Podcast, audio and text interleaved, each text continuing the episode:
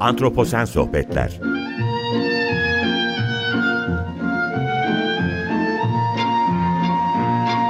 Hazırlayan ve sunan Utku Perktaş Merhaba, iyi akşamlar herkese. Antroposen Sohbetlere hoş geldiniz. Ben Utku Perktaş. Bugün Antroposen Sohbetler'de iklim adaleti üzerine konuşacağız. Konuğum Yasemin Sayıbaş Akyüz olacak. Yasemin Hanım'la yakın zaman önce tanıştım. Kendisi iklim krizine dikkat çeken değerli çizimler yapıyor. Dolayısıyla ben kendisini iklim aktivisti ve grafik tasarımcı olarak tanıtacağım programda. Ee, ve iklim krizine sosyal medya üzerinden bu çizimlerle dikkat çekiyor. Ee, bu dönem her birimiz ne yapabilirim demeliyiz. Ve bu anlamda da Yasemin Hanım e, gerçekten ne yapabilirim diyerek çok önemli bir şey yapıyor. Ben gördüğümde çok beğenmiştim çizimlerini. E, ve paylaşımlar açıkçası bilgi yüklü ve çok değerli. Şimdi çok lafı uzatmayacağım. Bu girişten sonra Yasemin Hanım'a hoş geldiniz demek istiyorum. E, yayına, yayına gelmeyi bekliyor. Yasemin Hanım çok teşekkür ederim. Vakit ayırdınız, eksik olmayın, geldiniz. Nasılsınız?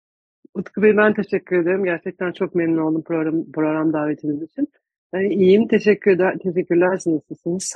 Ben de ben de çok iyiyim. Ee, Valla çok mutlu oldum. Güzel bir tesadüf oldu esasında. Benim son Bodrum ziyaretim sırasında şekillendi bir takım şeyler ve e, sizi tanıdığıma da çok mutlu oldum. Bunda e, Evet, ben, ben de aynı şekilde. eksik olmayın. Şimdi bugünlerde umut kelimesiyle ikircikli bir ilişkim var benim. E, pek çok insan için çok zor bir geleceğe e, kilitlendiğimiz gerçeği konusunda e, esasında gerçekçi olmalıyız diye düşünüyorum. E, işleri o kadar berbat ediyoruz ki e, şu andan itibaren her şeyi doğru yapsak bile hala iklim felaketine ilişkin geleceğin ne kadar kötü olabileceğini öngöremiyoruz esasında. E, dolayısıyla hani kötüye doğru gidiyoruz. 2050, 2060, 2080 nasıl olacak ben çok bilemiyorum. Ama elimizi kaldırıp hani sonumuz geldi hadi bu konuda Mad Max senaryoları gibi davranalım deme lüksümüzün de olmadığını düşünüyorum. O yüzden her birimizin bir ne yapabilirim e, demesi gerek. E, zararın neresinden dönsek kârdır. O yüzden de bugün programda bu iklim adaletini konu etmek istedim. Çünkü bu adaletli olursak eğer barınma, gıda, temiz su hakkı gibi temel ekonomik hakları garanti edebileceğimizi, herkesin bunlara rahat ulaşabileceğini düşünüyorum. Çünkü önümüz zannediyorum kuraklığın bir pandemiye sebep olabileceği bir dönemi e, bize çağrıştırıyor. E, yani bu böyle bir altyapıyı inşa edersek şokları çok daha büyük bir başarıyla savurabiliriz diye düşünüyorum ben. Yani ben bu konuda umudumu e, belli bir noktaya yerleştiriyorum. Ümitsiz ya da umutsuz olmak istemiyorum esasında. Ve bu anlamda da bugün iklim adaletini özellikle sizin çizimlerinizden de etkilenerek konu etmek istedim. Yavaş yavaş programa başlayabiliriz. Ee, ben ilk sorumu size yöneltmek istiyorum. Bu iklim adaleti bildiğim kadarıyla iklim değişiminin getirdiği yükün adil bir şekilde paylaşılması, hafifletilmesi anlamına geliyor. Sizin çizimleriniz hem şu sıralar yaşadığımız güncel aşırı hava olaylarına dikkat çekiyor hem de bazı paylaşımlarınızda tarihsel bir perspektif var. Siz kendi perspektifinizden iklim adaletini nasıl tanımlıyorsunuz ve bir de bu çizimler nasıl başladı? Çünkü insanlara ulaşmak için iyi bir yöntem olduğunu düşünüyorum. Biraz bu konuda bilgi verir misiniz? Böyle başlayabiliriz program. Tamamdır. Teşekkürler.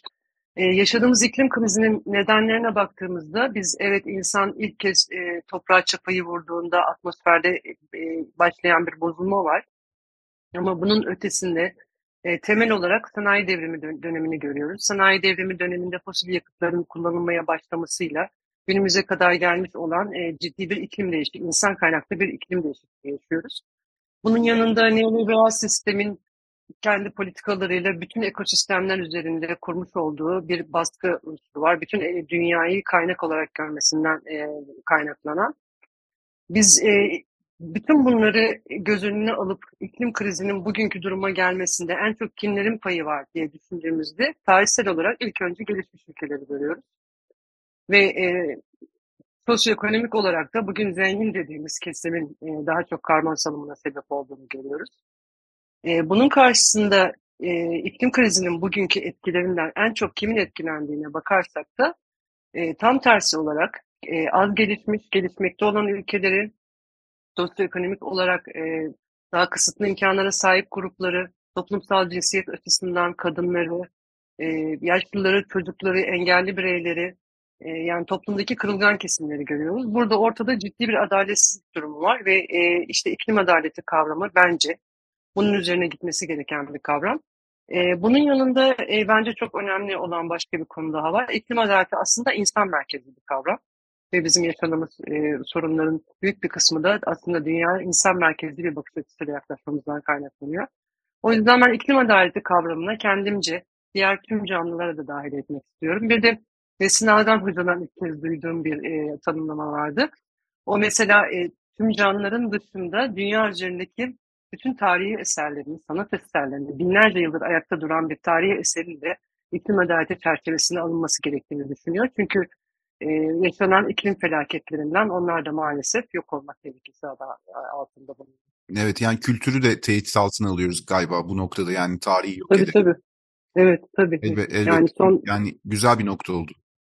Yani son 200 yıldır e, var olan bir etki sebebiyle biz binlerce yıllık bir kültürü de kaybetmenin eşiğindeyiz aslında. E, bunun dışında galiba bir de bu tasarımlara nasıl başladığını sormak Evet evet ben asıl bir de onu çok merak ediyorum. Çünkü yani insanlara ulaşmak için sosyal medyayı kullanmak bu anlamda çok faydalı olduğunu düşünüyorum. Ve her birimizin e, aslında bunu gündüz hocadan, gündüz Asaf'tan benim edindiğim bir e, bakış açısıydı. Ne yapabilirim demesi lazım. Evet. Sonuçta yapacak çok şeyimiz var esasında. Hani bir şey yapamayız deyip evde oturmak ya da kendimizi kenara çekmek, işte bu durumları protesto etmek yeterli değil. Her birimiz bir şeyin ucundan tutabiliriz. Siz de kalemin ucundan tutuyorsunuz ve dijital çizimler yapıyorsunuz ve ben görünce çok beğendim. Yani çok böyle dikkatle hepsini de inceledim. Dolayısıyla da ne bileyim bu bence önemli bir adım. O yüzden nasıl başladınız merak ediyorum tabii. Çok teşekkürler. Aslında ben dijital tasarımlar yapmak niyetiyle başlamadım iklim krizi çalışmalarına. Biz Bodrum'da 5 kadın ve çocuklarımız bir grup kurduk. 2019 yılında 12 hafta boyunca her cuma Bodrum'da iklim krizi konusunda farkındalık eylemleri düzenledik. Sonrasında kent konseyinde çalışmaya başladık, belediyeyle projeler yapmaya başladık ama araya pandemi. Pandemi girdiği zaman maalesef hepimiz evlere kapandık o dönemde biliyorsunuz. Ben iklim aktivistliğini nasıl devam ettirebilirim diye düşünürken zaten mesleğim grafik tasarım. E, bu şekilde dijital tasarımlar yaparak sosyal medyada paylaşayım diye düşündük ki sosyal medyayı da aslında tam olarak o dönemde kullanmaya başladım. Daha önceden böyle bir durumum yoktu. Ve bu şekilde devam etti. İyi ki de başlamışım diye düşünüyorum. Yani kendimce bir şeyler yaptığımı hissediyorum. Ben de öyle düşünüyorum. İyi ki başlamışsın. Hani pandemi vesile olmuş ama çok güzel bir şey vesile olmuş. Şimdi Ozan ikinci sorum şöyle. E, hani bu işlerin içinde olan birisi olarak sizce gezegeni karbondan arındırırken daha az kirli bir dünya yaratmaya çalışırken birden çok cephede çok daha adil bir toplum inşa etmek mümkün mü? Ne düşünüyorsunuz? E, iklim adaletini merkezine alan adil e, politikalar ve çözümler üretilebilirse olabileceğini düşünüyorum. Hı hı. E, çünkü bu küresel bir kriz, çözümü de küresel olacaktır. E, iklim krizinden en çok etkilenen kırılgan grupların durumunu düzeltmek üzere üretilen politikalar mutlaka dünyanın şu an içinde bulunduğu adaletsiz, eşitsiz düzene de katkıda bulunacaktır. E, mesela e, göçmenler göçmen sorunu, iklim mülteci, iklim göçmenleri konusu var. İklim göçmenleri bildiğim kadarıyla uluslararası hukuk, hukuk alanında hala e, mülteci statüsünde değiller. Bu konuda e, iyi politikalar, güzel, iyi çözümler, adil çözümler ortaya konursa bunun genel olarak dünyadaki göçmen sorununa da, sorununa da e, faydası olabileceğini düşünüyorum. Ya da su hakkı konusu. Bu da dünyada çok ciddi bir problem biliyorsunuz. Evet, İklim evet. krizi sebebiyle çok daha uzak mesafelerden su getirmek zorunda kalan özellikle Afrika bölgesindeki insanlar gibi ya da suya ulaşımı gitgide zorlaşan topluluklara yönelik e, politikalar geliştirilirse bu genel olarak dünyadaki su hakkı konusunun da suya erişim konusunun da e, düzeltilmesi için bir e, yöntem olabilir diye düşünüyorum. E, ya da kadın hakları konusu. İklim afetlerinde biliyorsunuz e, en çok etkilenenler biri de kadınlar ve bunun sebeplerinden biri çok ilginçtir. Kadınların e, toplum içindeki rollerinin daha çok ev içerisinde olması, e, yaşlı ve çocuk bakımından sorumlu olmaları sebebiyle iklim afetleriyle ilgili uyarıları zamanında duyamıyorlar ya da duysalar dahi e, bakmaktan mesul, mesul olduğu insanlara, insanlarla ilgilenmek zorunda oldukları için zamanında kaçamıyorlar. İklim adaleti konusunda yani bu konudan yaklaşarak örneğin bu konudan yaklaşarak iklim adaletini merkezine alarak kadınlarla ilgili kadının toplumdaki rolüyle ilgili bir çalışma yapılırsa bu aynı zamanda kadın hakları konusunda da bir ilerleme sağlayabilir diye düşünüyorum. Yani bu örnekleri bu şekilde e, artırabiliriz tabii ki. Ama bütün bunların gerçekleştirilmesi için genel olarak bir e, farklı anlayış, daha doğrusu bir sistem değişikliği gerekiyor. Onu da belirtmek istedim. Evet çok ben de katılıyorum. Kadınların yükü özellikle taşrada e, kadınların yükü iklimin değişmesiyle beraber daha da artıyor. 11 Temmuz tarihinde yaptığımız programda Aksu Bora ile biraz bunu değinmiştik programın sonuna doğru. Hı hı. E, çünkü kadınlar her zaman çok daha e, anaç yaklaştıklarını ben gözlemlemiştim. E, bulundukları toprakları korumak istiyorlar. Sahip oldukları doğal varlıkları korumak istiyorlar ve erkeklere göre her zaman daha önde yer alıyorlar. Şehir yaşamında nasıl olduğunu gözlemlememiştim ama ben hani burada tam yeri geldi biraz akışın dışına çıkacağız belki ama Akbelen Ormanı'na da dikkat çekmek istiyorum. Birkaç sefer biz programa konu etmiştik burada Akbelen Ormanı'nı. Orada da kadınlar hep ön plandaydı benim gördüğüm kadarıyla. Evet. Sanıyorum yanılmıyorum. E, dolayısıyla umarım oranın da e, başına çok fazla bir şey gelmez ve yapılabilecek, yapılı, yapılması planlanan bu faaliyetler durdurulur. E, Kızılçam ormanlarını ve o bölgeyi kaybetmek hiç doğru olmayacak bu biyoçeşitlik krizi Evet. yaşadığımız bu dönemde. Evet, bence de kesinlikle çok önemli. Orada verilen mücadele, orada ön planda önde olan kadınların verdiği mücadele, bütün o, o yöre halkının ve çevre örgütlerinin onlara desteğiyle e, yapılan mücadele çok kıymetli. Umarım Akbelen Ormanı e, kaybetmeyiz. Akbelen Evet, evet. Ormanı ve çevresindeki, içindeki zeytinlikleri, çevresindeki tarım arazilerini, su kaynaklarını, yani bunlar çok çok kıymetli şu an içinde yaşadığımız dünyada. Ya bunu bir ara not olarak söylemekte fayda var. Hı. Akbelen hani Türkiye'nin başka yerlerindeki önemli alanlar gibi çok önemli bir yer. E, Umarım Evet. umarım Bir ses üstüne üstlük bunu biz e, burada kömüre karşı bir mücadele veriliyor. İklim krizi konusunda da çok önemli bir mücadele. O yüzden e, umarım tekrar söyleyeyim umarım e, kaybetmeyiz o bölgeyi. Evet. Ya şimdi Yasemin Hanım Bodrum'da yaşıyorsunuz sanırım değil mi? Yani ya da yazları mı sadece orada bulunuyorsunuz? Genel olarak Bodrum'da yaşıyoruz. Bodrum'da yaşıyorsunuz. Şimdi Batı Anadolu'yu Bodrum üzerinden örneklersek, e, iklim değişiminin yarattığı durumu sizce bölgenin canlı bileşenleri nasıl deneyimliyor? Aslında e, ciddi anlamda bir göç alan yer Bodrum. Özellikle yazın e, özellikle yazlık ziyaretçiler çok fazla tercih ediyor. İşte ne bileyim yapılaşma had safhada benim gördüğüm kadarıyla suyun problem olacağını düşünüyorum yakın zaman içerisinde. Kimse bunları öngörmeden Bodrum'a akın akın geliyor. Ve Bodrum taşıma kapasitesini çoktan kat be kat aşmış gibi görünüyor benim gördüğüm kadarıyla. O anlamda çok keyifli bir yer gibi değil. Keyifli yerleri var elbette doğal anlamda ama. e, yani adalet dediğimizde sadece insan değil doğadaki tüm bileşenleri düşünürsek Bodrum ve çevresi özelinde bir gözleminiz var mı? E, çünkü önemli olabilir Batı Anadolu bu anlamda şu sıra çok tercih ediliyor. E, Evet. Orta Anadolu'dan ve Doğu'dan göçler için. Neler söylenebilir? E, biz 18 yıl önce İstanbul'dan Bodrum'a geldik. Aslında Bodrum'a gelip burayı kalabalıklaştıran ailelerden biriyiz. E, bu 18 tabii o zamanlar çok farklıydı Bodrum. Tabii tabii. E, tabii. nüfus olarak da çok daha e, azdı ve yapılaşma bu kadar çok yoktu.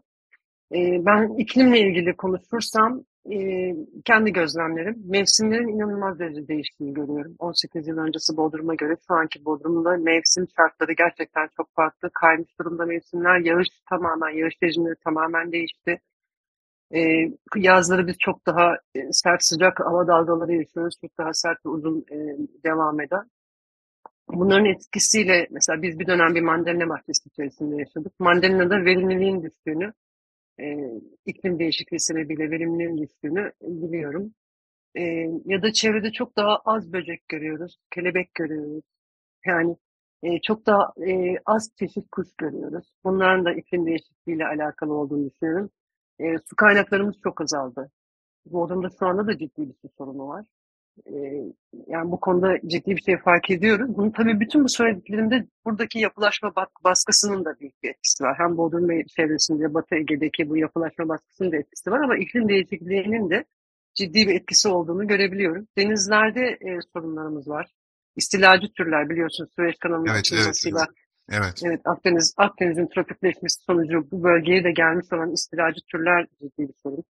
E, suyun ısınması sebebiyle ortamın daha bakteriye müsait olması ve deniz canlılarının bundan e, zarar görmesi durumu var bildiğim kadarıyla.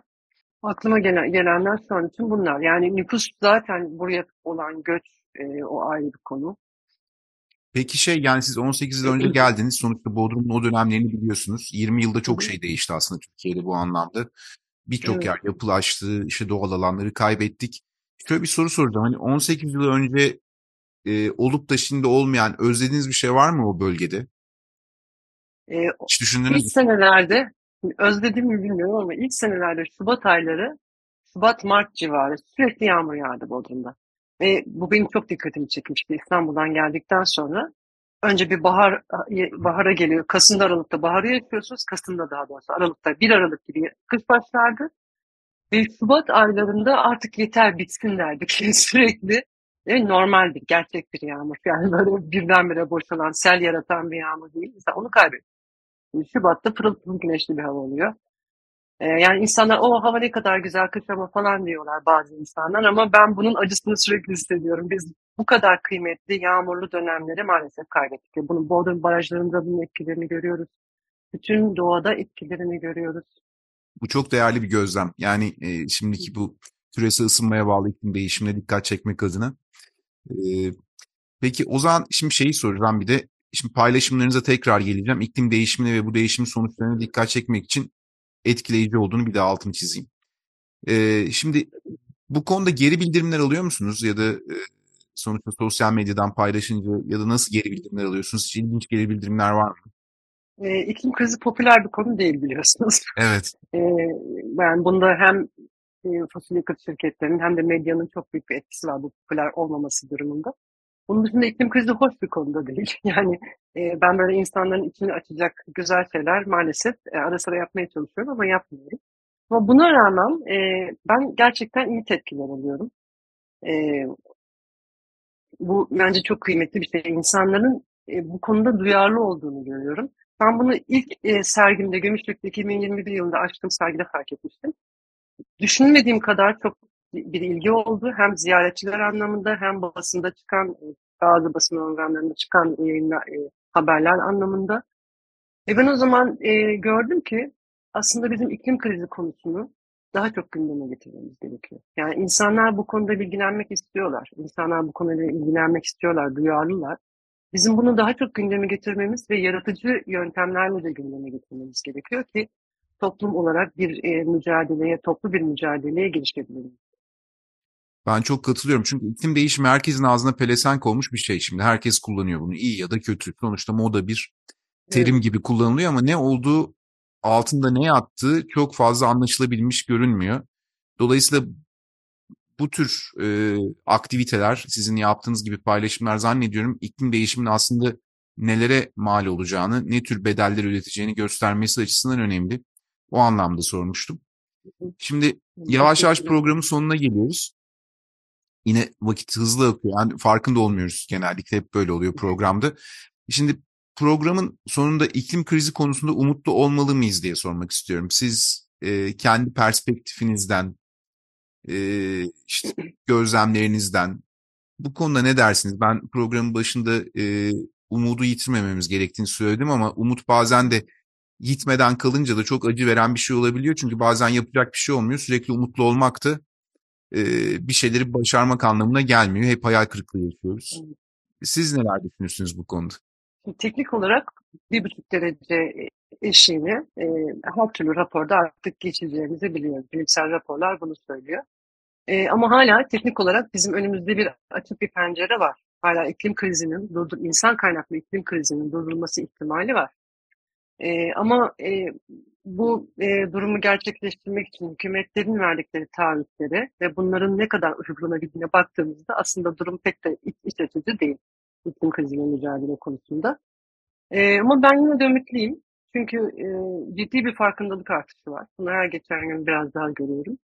Bir de ben ne zaman böyle e, bütün olayların içine gömülüp ümitsizliğe kapılsam hep dışarı çıkıp daha geniş bir çerçeveye, çerçeveden bakmaya çalışırım. 200-300 bin yıllık Homo sapiens tarihinde ya da 4,5 milyar yaşındaki yıl yaşındaki bir gezegen tarihinde e, herhalde 200-250 yıl telafi edilebilir diye düşünüyorum. Yani sonuçta geze, gezegende hayat devam edecek. Bu insanlı ya da insansız bir şekilde devam edecek. Yo gezegen bizden büyük kesinlikle hayatta kalmayı başaracak ama burada zannediyorum zarar gören çeşitliliğin Evet, talihsiz bileşenleri olacak. Ben insanı çok fazla bu hani ne yazık ki diyemiyorum insana çünkü biz kendi elimizle yaratıyoruz bir takım şeyleri. Dolayısıyla dediğiniz gibi e, ben de inanıyorum gezegenin kendini rejenere edeceğinden ama e, umarım bu çok fazla biyoçeşitlik kaybıyla olmaz. E, peki. Evet, ben de. Ya ben çok teşekkür ederim size. Çok güzel bir söyleşi oldu. Bugün iklim adaletini konuşmaya çalıştık Yasemin Hanım'la. Onun yaptığı çizimler e, ekseninde onları odağa koymak istemiştim ben. Yasemin Hanım çok teşekkür ederim. Tekrardan vakit ayırdınız, geldiniz. Ben tanıştığıma çok memnun oldum. Umarım yüz yüze de tanışabiliriz yakın bir zaman Evet, ben de çok teşekkür ederim. Gerçekten çok keyifli bir sohbetti. Sizin programınızda yer almak bence benim için çok önemli. Eksik En yakın zamanda yüz yüze görüşmek de istiyorum. Tamam peki. Dinleyicilerimize de iyi akşamlar diliyorum. Önümüzdeki günlerde Antroposen sohbetlerde buluşmak üzere. Hoşçakalın.